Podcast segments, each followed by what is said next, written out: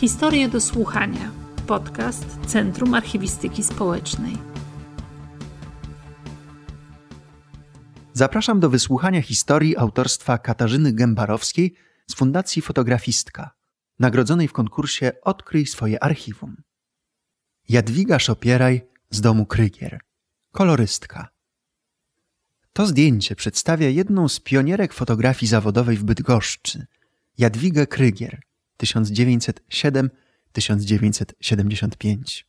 Fotografistka przedstawiona jest na nim w trakcie ręcznego kolorowania odbitek. Umiejscowiona została na krześle w pozycji siedzącej w prawej części sceny. Zwrócona jest lewym profilem w kierunku białego stolika, znajdującego się po drugiej stronie. Na nim rozłożone są narzędzia pracy: cienkie pędzelki, farbki, miseczka na wodę i odbitki fotograficzne. Jadwiga została sfotografowana w scenerii studia fotograficznego, na tle charakterystycznego ekranu imitującego wnętrze. Zdjęcie nie przedstawia więc fotografistki w jej naturalnym miejscu pracy, czyli retuszerni, ale zostało zainscenizowane na potrzeby tej fotografii w studiu.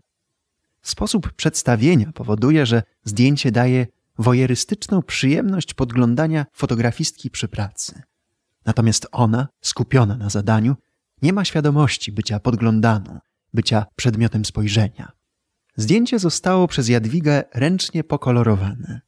Przełamując monochromatyzm obrazu, namalowała sobie różowe policzki, aby nadać im wigoru i zdrowego wyglądu. Fartuch zabarwiła błękitem i kilkoma akcentami różu, który znaleźć można także na stole. Nadała tym samym swojemu wizerunkowi bardziej malarskiego zacięcia, w tym miejscu warto wspomnieć, że zdjęcia zaczęto kolorować ręcznie wkrótce po powstaniu pierwszych fotografii.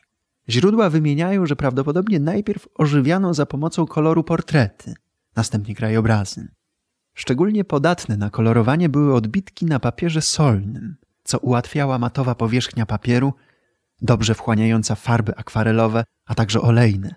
Kolorowanie zdjęć nie tylko dodawało im uroku, lecz jak podkreślają badacze tego zjawiska, miało zastosowanie praktyczne. Pierwsze fotografie miały tendencję do blaknięcia w świetle, więc farby dodawały im trwałości.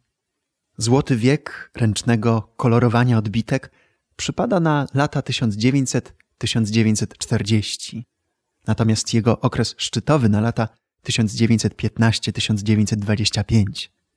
Choć kolor był wprowadzony do fotografii już na przełomie wieków, Pierwsze metody uzyskania kolorowego obrazu były zarówno nieporęczne i skomplikowane, dostępne tylko nielicznym profesjonalistom i zagorzałym amatorom.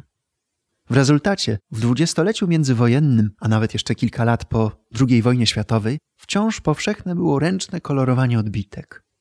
W latach powojennych czynność ta praktycznie zamiera, głównie z uwagi na wprowadzenie w 1943 roku przez firmę Kodak małoobrazkowego filmu Kodachrome, pierwszego produkowanego na masową skalę filmu kolorowego. Osoba, która nakładała farbę delikatnym pędzelkiem, musiała mieć zarówno świetny warsztat, jak i poczucie estetyki. W rezultacie, jak akcentują badacze, szeregi zawodowych kolorystów, a także amatorów wypełniały artystki. Fotografia, która narzucała kobietom znacznie mniej ograniczeń niż inne sztuki piękne, Oferowała przyzwoite, choć słabo płatne miejsca pracy w studiach. Poza kobietami, pracę retuszera wykonywali często biedujący malarze lub studenci szkół plastycznych. Tego zajęcia podejmował się m.in. wybitny malarz Juliusz Kossak, o czym z przekąsem wspomina Stanisław Witkiewicz w książce Juliusz Kossak, wydanej w 1906 roku. Jadwiga nigdy nie przekonała się do kolorowego filmu. Nawet w latach 50. i 60. kolorowała odbitki ręcznie. Być może uważała, że kolorując ręcznie może tworzyć obrazy bardziej osobiste. Jej twórczość, wydobyta przez naszą fundację z jednej z piwnic w Bydgoszczy, została opisana w książce Zawód fotografistka 2019.